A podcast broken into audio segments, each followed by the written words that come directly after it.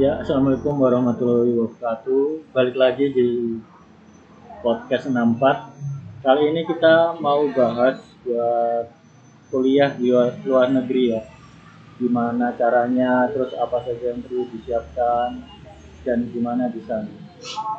Buat narasumber kali ini, namanya siapa mas? Alvin, Alvin, Alvin. Adiansa. Waktu S1 itu di UMM, Iya, saya alumni UMM jurusan jurusan sosiologi. sosiologi. Iya, Jadi angkatan tahun berapa mas? 2013 saya Terus lulus tahun lulus 2017 saya. tepat waktu berarti ya? Eh, molor saya, molor satu semester. Terus setelah lulus wisuda itu emang mau S2 atau mau kerja dulu atau gimana? Eh, rencananya dulu tuh pengen kerja, cuma kan saya kakak saya tuh duluan ke sana kan. Pada akhirnya dia ngasih info kalau di sana ada beasiswa, kemudian dia menyuruh saya untuk eh, coba lah apply beasiswa siapa tahu rezekinya kan bisa keterima di sana juga seperti itu. Jadi untuk beasiswanya itu dari mana terus tata caranya gimana? Kalau untuk beasiswanya dari mana? Saya tuh dapat eh, beasiswa dari langsung dari kampus di Taiwan sana. Kalau temen kalau teman-teman pengen eh, info tentang beasiswa juga ada di webnya kampus saya di Taiwan sana. itu juga apa namanya mas? eh, National Central University. Jadi di webnya juga itu setiap berapa setiap enam bulan kayaknya itu pasti ada informasi kapan bukaan eh, beasiswa atau scholarship buat international student seperti itu. Itu bisa dicek. Di- Terus waktu itu kenapa tertarik daftar? kenapa tertarik daftar ya? Yang pertama saya tuh pengen punya keinginan dari dulu emang pengen pergi ke luar negeri yang pertama dan pengen merasakan bagaimana sih hidup di luar negeri seperti itu. Kemudian ketika ada kesempatan dan ah, ketika ada kesempatan seperti itu ya saya coba untuk apply lah. Pertama itu beasiswanya itu syaratnya apa? Kalau untuk syaratnya tentu ya TOEFL yang pertama ya tentu itu jadi eh, syarat utama. Kemudian ada yang namanya kita harus eh, melegalisir ijazah kita ke TEC. TEC itu Taiwan Edu- Education Center yang letaknya berada di Surabaya. Nah, di di Jawa Timur ini hanya ada di Surabaya. Yang penting dua itu sih, karena em, ya menurut saya yang paling penting untuk daftar ke sana itu dua itu yang diminta dari sana. Selain eh, berkas yang dikirim dari sana, kita dapat berkas juga dari sana. Buat apa namanya? Buat seleksinya dari biasanya bagaimana? Kalau seleksi itu berbeda-beda ya setiap jurusan. Kemarin saya itu pas daftar tuh saya tuh langsung apply, kemudian saya email profesor, profesor Dari Taiwan sana, ya dari pihak sana dan beliaunya itu langsung apa ya, meng, saya akan mendiskusikan hal ini. Kemudian setelah saya kirim email eh, tentang riwayat seperti kita ngirim kerja gitulah istilahnya ya, kita ngirim data diri kita, terus fokus penelitian kita itu di S1 seperti apa kita kirim semua ke sana dan pada akhirnya beliaunya itu menyetujui oh ya baiklah saya akan memproses nah kemudian selang beberapa satu bulan kalau nggak salah itu saya dapat email dan email resmi dari kampusnya. Sebulan kemudian lagi surat berkas yang dari sana sampai ke Indonesia. Oh ya, untuk TOEFL berapa minimal? untuk TOEFL waktu saya masuk itu 400 tuh sudah boleh kalau di Taiwan. 400. 400 cuma serius?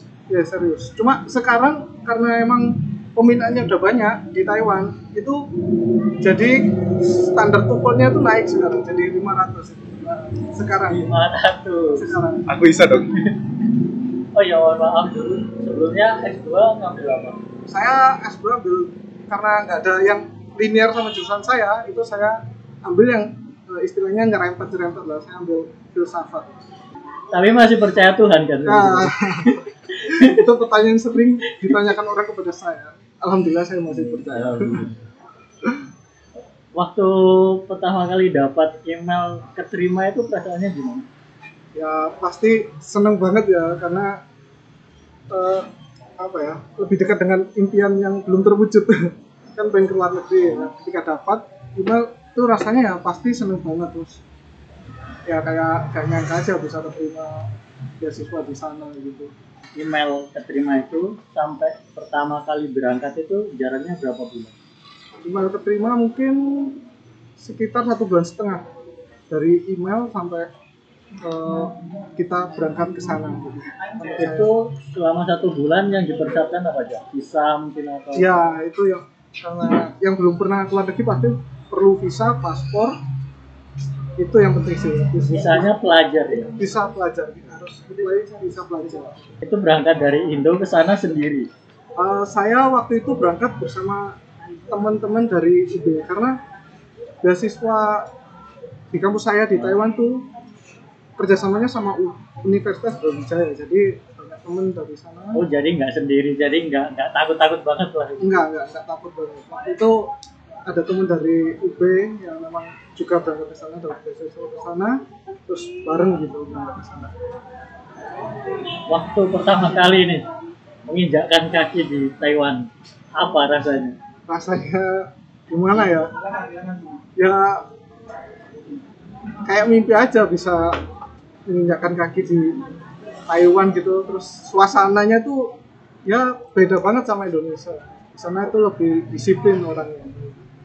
Untuk tempat tinggal gitu dapat dari pihak kampus atau? Oh, kalau tempat tinggal di sana kita tuh disediain asrama. Yang kita sebut kayak dormitory. Kalau di sana itu namanya dormitory jadi selama kuliah di situ. Iya, selama kuliah kita itu bisa milih sih mau tinggal di dom, dom itu atau asrama itu atau kita bisa cari sendiri. Cuma kalau di asrama itu terbilang lebih murah karena listrik dan air itu gratis itu. Kalau kita di luar listrik sama air tuh bayar sendiri-sendiri. Untuk gambaran nih, hidup di Taiwan sama Indonesia itu bedanya gimana? Kalau gambaran hidup eh, untuk makan lah kita katakan gambaran makan aja saya rasa itu seperti kayak kita di Jakarta kayaknya ya So- soalnya di Taiwan itu sekali makan tuh mungkin kita habis sekitar 30 sampai 40 ribu sekali makan. Sekali makan. sekali makan itu. Sekali makan. Paling murah itu. Paling murah itu 30 Segitu. sampai 40 ribu. Paling sederhana itu ya. Paling sederhana. paling sederhana dan untuk biaya-biaya apa ya kayak belanja kayak produk Indonesia itu mungkin dua kali lipatnya karena emang dari mahal sini ya, iya. berarti anggapannya mahal. ya. Ah, mahal dua kali lipatnya harganya Tapi untuk beasiswanya itu ditanggung penuh apa masih ada dana pribadi? Eh, waktu itu ditanggung penuh jadi kita di sana langsung eh, registrasi ulang nah itu waktu itu terus sebulan kemudian baru beasiswanya keluar setiap bulan keluar setiap bulan keluar Untuk kuliahnya ada langsung masuk ke kampus dengan jurusan yang dipilih atau kita harus kursus bahasa dulu berapa bulan gitu. Jadi untuk jurusan ya, ketika kita di sana, kita bisa langsung kuliah lah. Cuma di sana mereka menyediakan namanya kayak kita uh, language center gitu. Jadi di sana itu kita itu di luar mata kuliah kita, kita bisa ambil course atau mata kuliah kelas Cina atau kelas Inggris yang kita mau ya seperti itu. Kalau masnya sendiri sebelum berangkat ke Taiwan emang udah bisa bahasa Cina atau gimana? Oh, kalau bahasa Cina saya belum bisa waktu itu. Cuma bahasa Inggrisnya lumayan sih. Jadi di sana itu pelajarannya pakai bahasa Inggris. Iya, pakai eh, bilingual. Oh, bilingual. Bilingual artinya ketika profnya habis menjelaskan Cina biasanya terus dia menjelaskan Inggris. Terus begitu seterusnya Oh. bilingual. Karena enggak karena kenapa ya? Enggak semua orang Taiwan itu bisa bahasa Inggris lancar gitu. Ya sama halnya kita lah. Selama awal-awal perkuliahan di Taiwan itu ada kesulitan nggak dalam pembelajaran? awal-awal mungkin ya adaptasi dulu ya pasti itu eh, step yang paling sulit buat kita karena kita belum belum pernah belajar di sana gitu ya. Terus dengan kondisi dan situasi yang sangat berbeda sekali dengan di Indonesia dengan sistem pembelajaran yang beda juga itu menurut saya itu hal yang sulit sih. Awal-awal memang terasa sulit. Emang sistemnya yang paling ketara itu apa bedanya dengan Indonesia? jadi mereka tuh eh, harus tepat waktu ya. Ketika ada tugas harus tepat waktu. Kalau emang kamu nggak bisa nyelesain dalam waktu yang di deadline-nya gitu. Itu udah langsung di nggak ada ya toleransi toleransi nggak ada gitu nggak ada nggak toleransi. Mereka mengutamakan itu disiplin ya. Harus disiplin tepat waktu kayak gitu. Berarti orang-orang ngaret nggak keterima di sini. ngaret, ngaret. orang ngaret nggak keterima kayaknya. Ada banyak mahasiswa Indonesia nggak di kampus yang Oh. mas? banyak sekali angkatan saya tuh ya angkatan saya tuh jumlahnya kurang lebih angkatan saya dan bawahnya itu ya itu sekitar 200 200 Oh, banyak orang ya di sana. 200 orang kalau se Taiwan baru banyak Indonesia itu kalau boleh tahu di kota apa? Eh, saya tuh tepatnya di Zhongli Nggak tahu ya. Kan nggak ngerti.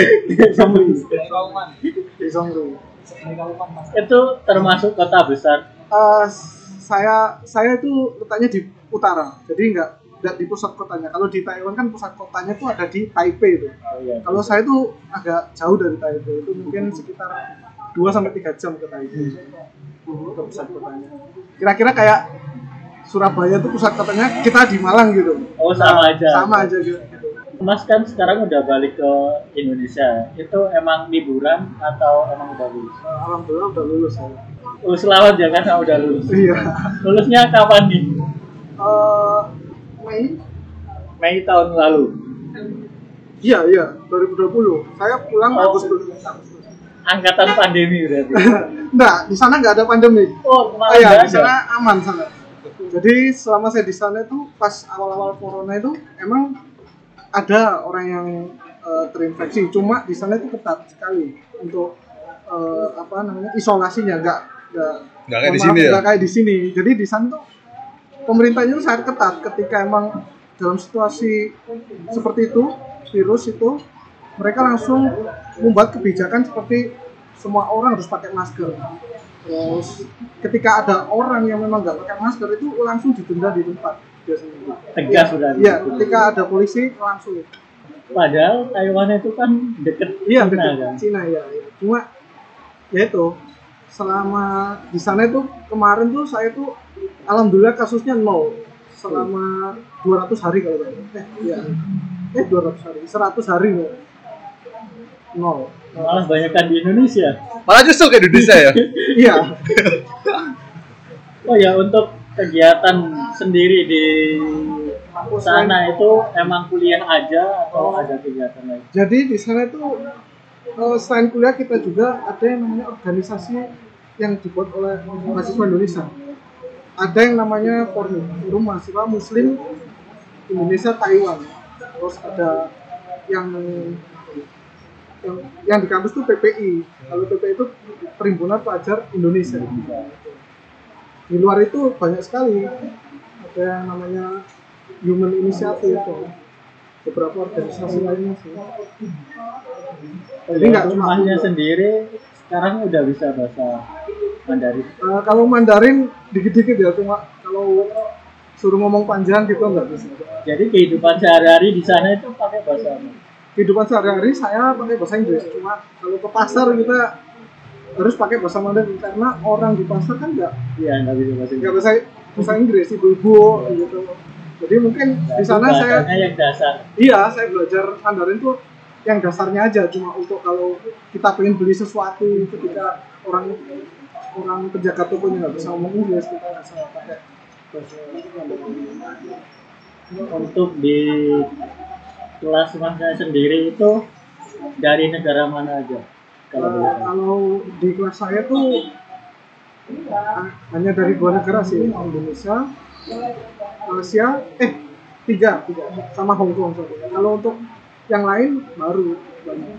banyak. Ya karena di sana tuh yang yang diunggulkan itu emang jurusan teknik ya. Kalau jurusan saya ad, jurusan saya memang ada, cuma ya bagus, cuma yang paling diunggulkan oleh kampus saya di sana itu teknik. Oh iya, maknya kuliah itu selama berapa tahun? Eh, saya dua tahun di sana. Dua tahun. Selama dua tahun itu untuk visa per pajak.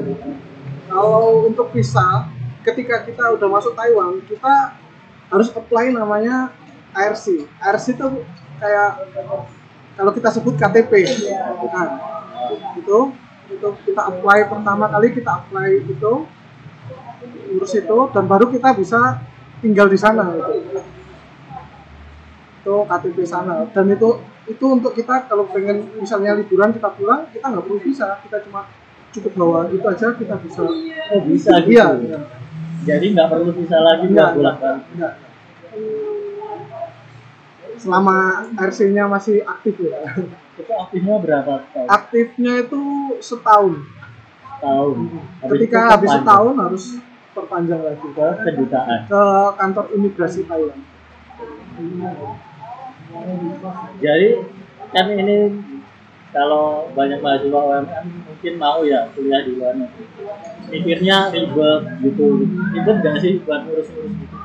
sebenarnya kalau kita well prepare gitu enggak sih cuma kalau kita memang dadakan gitu kalau kita emang eh, gimana emang bilangnya kalau misalnya tiba-tiba dadakan eh, nggak ada planning Nggak buat nggak ada planning buat stu- lanjut studi terus tiba-tiba ada terus itu kan dadakan Ya. ketika memang ada planning kita pengen studi oh kita bisa ngurus visa dulu paspor dulu gitu. Jadi nanti ketika emang sudah diterima kita nggak ribet ngurus lagi gitu. Terus berarti jangan dadakan, jangan dadakan ya. jangan dadakan lah. Tapi visa atau eh paspor itu kayaknya penting sih walaupun ya buat jaga-jaga aja kalau pengen juga keluar negeri Tiba-tiba pengen iya tiba-tiba pengen buat aja dari sekarang. iya bener Walaupun gak kepake. Mas bilang bahwa kakaknya udah di sana duluan. Respon keluarga gimana? ya respon keluarga sih ya itu tadi saya awalnya pengen kerja cuma karena dengar hal itu dari kakak saya akhirnya keluarga mendorong sih emang harus kamu harus gimana mana harus kuliah dulu. Kalau kerja nanti bisa. Kalau kuliah itu ada batasnya. Kalau ketika kamu udah tua kamu tuh bakal eh, lelah mikir gitu. Udah nggak mau mikir gitu. Jadi seperti itu. Jadi ini satu kampus nggak sama kakak? Nah, saya satu kamu sama kakak cuma beda jurusan. Beda jurusan. iya. Berarti ada orang buat ditanya-tanya lah ya. ada. Cuma a- ditanya untuk urusan umum ya umum Iya. kampus. Kalau untuk teknis pelajaran pelajaran kayak jurusan saya enggak. Karena di sana jurusan sosial tuh kemarin waktu saya di sana itu hanya saya sendiri dari Indonesia. Oh gitu. iya ya saya hanya saya sendiri. Jadi yang lain itu beda jurusan. iya yang lain tuh banyak kan eh, teknik mesin gitu. Teknik Berarti yang filsafat cuma masnya iya iya. Tapi ada alumni ada alumni Indonesia udah lulus terus kemudian saya masuk kan Itu buat adaptasi sama orang beda negara itu gimana caranya? Sulit sih?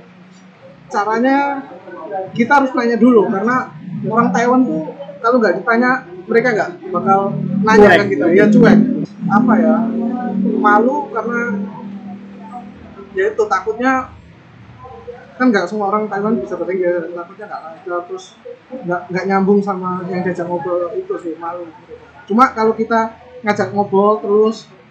Akhirnya mereka tuh nyaman dan kalau udah enak gitu ngobrol gitu mereka sebelum kita tanya dia yang nanya kita terus ngajak kita enak sih. Berarti harus mulai dulu. pertama kita ya harus mulai dulu. Kita harus membangun relasi dulu.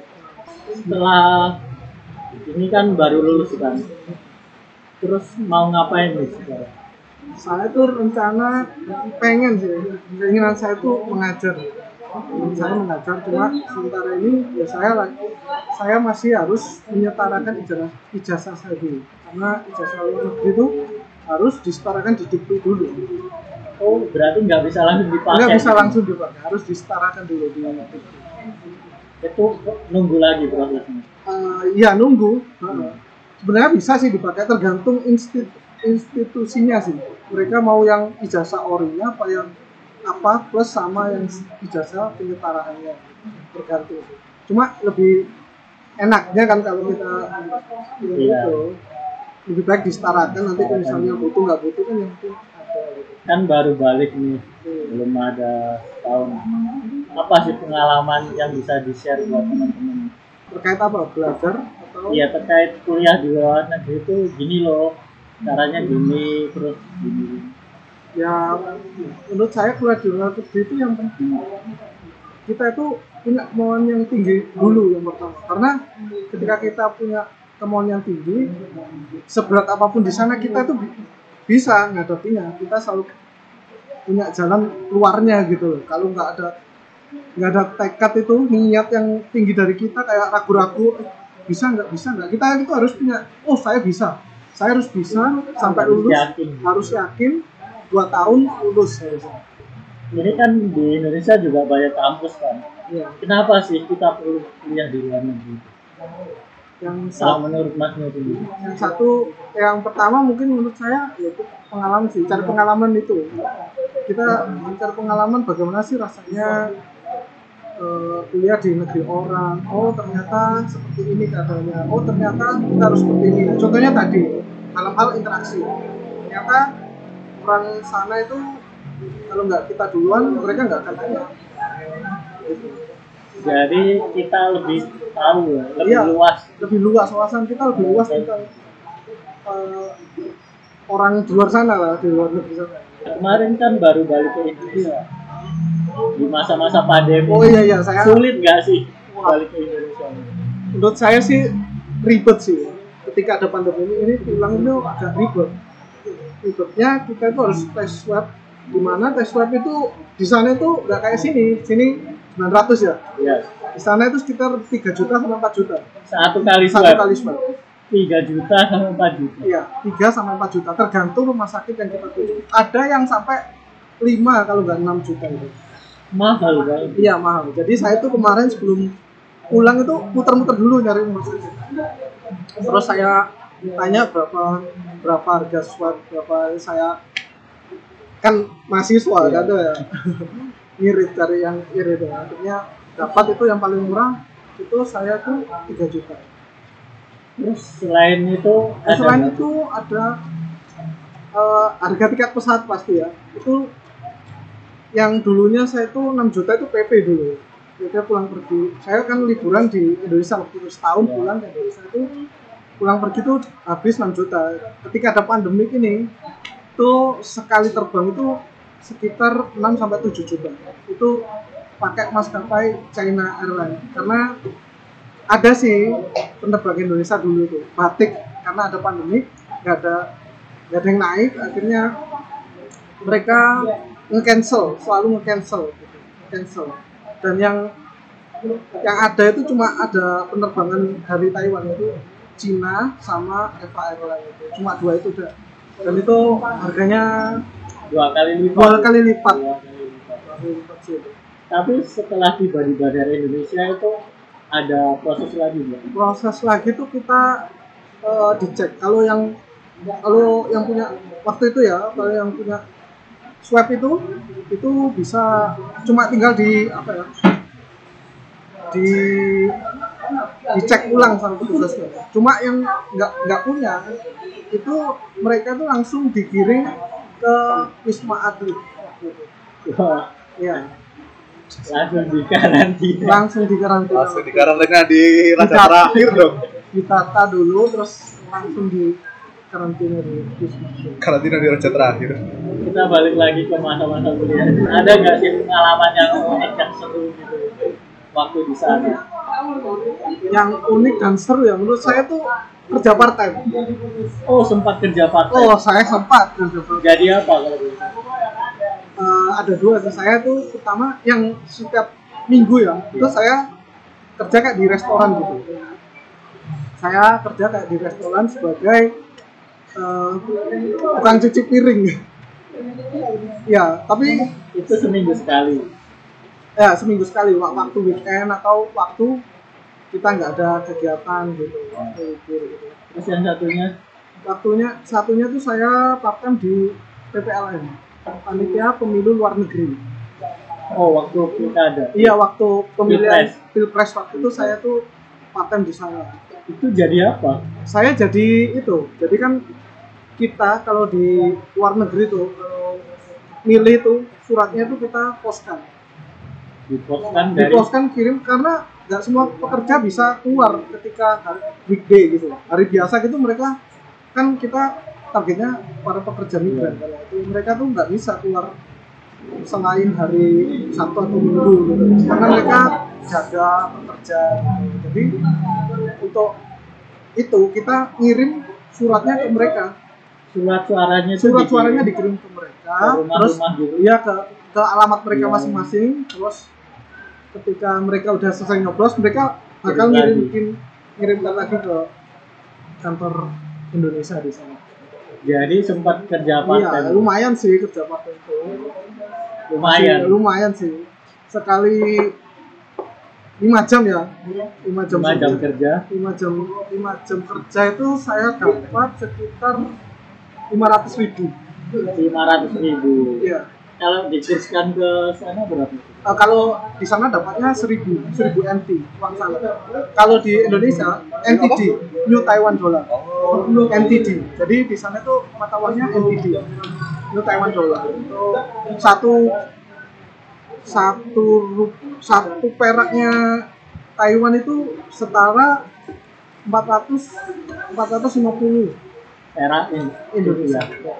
Seperti itu jadi ya lumayan sih kalau pengen beli apa-apa jadi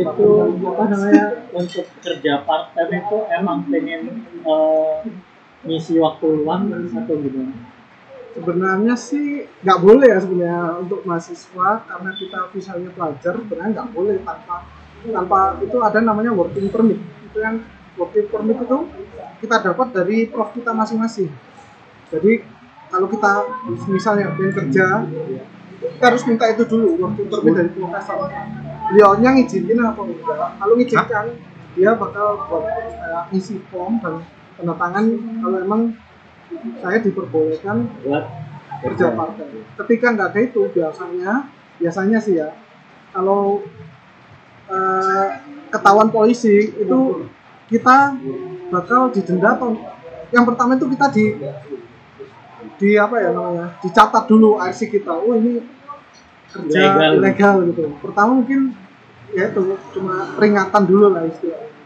Tapi emasnya nggak pernah ya? Eh, alhamdulillah saya nggak pernah. Aman. aman. Aman aman. Aman, aman. oh iya untuk di sana itu nyari makanan halal susah nggak sih? Eh, susah sih. Karena kan basically-nya Taiwan bukan negara muslim. Iya. Kita itu hanya minoritas. Jadi menemukan makanan atau eh, ayam atau daging yang halal itu susah. Ada cuma kadang tempatnya itu sangat jauh gitu. Kita mungkin harus naik bis dulu sekitar satu jam baru. Jauh. Iya jauh-jauh karena nggak di semua tempat itu ada makanan halal gitu. jadi gimana itu cara bedainnya? Cara bedainnya ya, memang agak susah ya kalau udah jadi makanan ini halal atau enggak kita kan susah. Cuma supaya kita nggak apa ya nggak makan makanan yang halal kita biasanya tuh hanya makan vegetarian food gitu. oh jadi nggak Nah, makan ada itu. daging-daging. Jadi biasa di sana itu kalau kita memang susah bukan kayak ayam atau daging sapi yang halal, kita bisa makan eh, daging imitasi.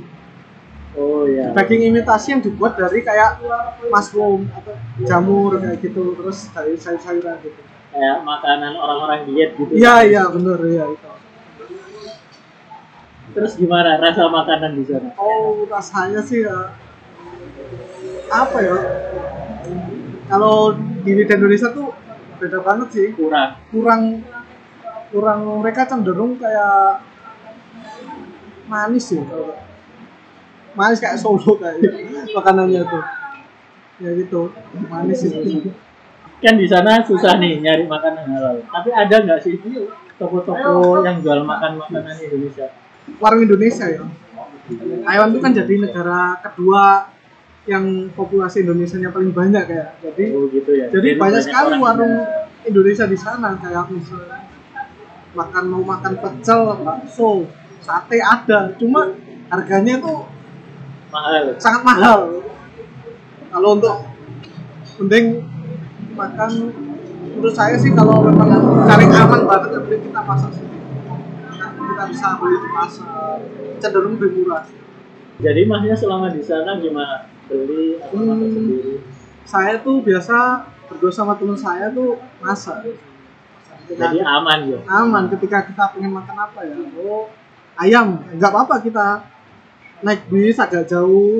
Itu kalau kita beli biasanya nggak cuma satu sekilo dua kilo gitu. Jadi sekalian gitu. jauhnya gitu ya sekalian jauhnya. Kita nyetop untuk beberapa hari itu. Ya. Oh ya, balik lagi ke kampus nih. Untuk di sana sama nggak satu semesternya? 6 bulan terus libur ada lagi. sama sama. Untuk untuk kuliahnya juga sama. Satu semester itu enam bulan. Sama Liburnya berapa bulan? Eh, liburnya sih satu satu sampai dua sih. Itu masnya selama liburan tetap di sana itu. Waktu tahun pertama saya pulang karena kangen kangen Pulang. keluarga. Kangen untuk liburan. Terus tapi kan kita itu pulang nggak nggak bisa seenaknya. Kita dikasih waktu. Maksudnya gimana? dikasih waktu. Jadi kita bisa pulang berapa lama di Indonesia? Jadi berapa lama kira-kira? ada yang tergantung jurusannya juga sih. Tergantung kebijakan prof. Kita kan pulang juga izin ke profnya. Prof saya ingin liburan di Indonesia. Oh iya biasanya kalau emang nggak ada project itu satu bulan tuh bisa kita project penelitian gitu bisa kita sebulan full gitu kalau ada tugas dari prof gitu kita tuh hanya kasih waktu dua minggu biasanya Itu gimana? Udah setahun di Taiwan, di negeri orang, terus balik-balik ke Indonesia. eh apa ya mungkin ya balik lagi suasananya sangat beda jauh Adaptasi lagi. adaptasi lagi ya terlebih lagi kan kalau di Thailand tuh ini yang bikin anu di sini kan mohon maaf di Indonesia kan banyak kriminal gitu. Oh, kriminal. emang di sana nggak ada? Ah, kalau di Taiwan tuh cenderung aman sih. Itu contoh kasusnya aja ketika kita eh, dompet kita jatuh. Iya. tuh dompet kita jatuh kalau kita di sini kan kalau di Indonesia pasti hilang kan kita telusuri lagi hilang kalau di Taiwan kita telusuri oh dari mana ya hilangnya? Mungkin dari sini ke, ke sana. Kita telusuri jalan pasti nanti kita ketemu dompet kita. Jadi orang Taiwan tuh nggak mau ambil barang orang sembarangan jadi ketika dia nemu dompet biasanya ya kalau ada dua biasanya di, diam didiamkan di tempat itu yang biasanya yang dua tuh di dikasih ke kantor polisi terdekat Nah, jadi barang kita aman naruh Aku apa pun di diapresiasi Iya. kejujurannya harus Iya. contoh Indonesia. Yaudah, makasih mas buat Oke. udah mau ditanya-tanya. Buat info buat kawan-kawan yang mau kuliah di luar negeri. Jadi gitu ya, cari-cari info tentang beasiswa. Iya gitu. benar. Terus jangan dadakan. Jangan dadakan karena harus well prepare semua berkasnya tuh. Prepare. Biar nggak ribet. biar nggak ribet menyusahkan diri sendiri. Nah, gimana jadi minat kuliah di luar negeri atau enggak? bisa buat nambah buat eh, saran episode selanjutnya kita bahas apa tulis aja di bawah ya. segitu aja dulu. Jangan lupa di follow IG Story Nampak podcast Story Nampak dan YouTube Nampak. Oh iya sama Twitter Story Nampak. Gitu aja ya. Saya katakan pamit undur diri. Assalamualaikum warahmatullahi wabarakatuh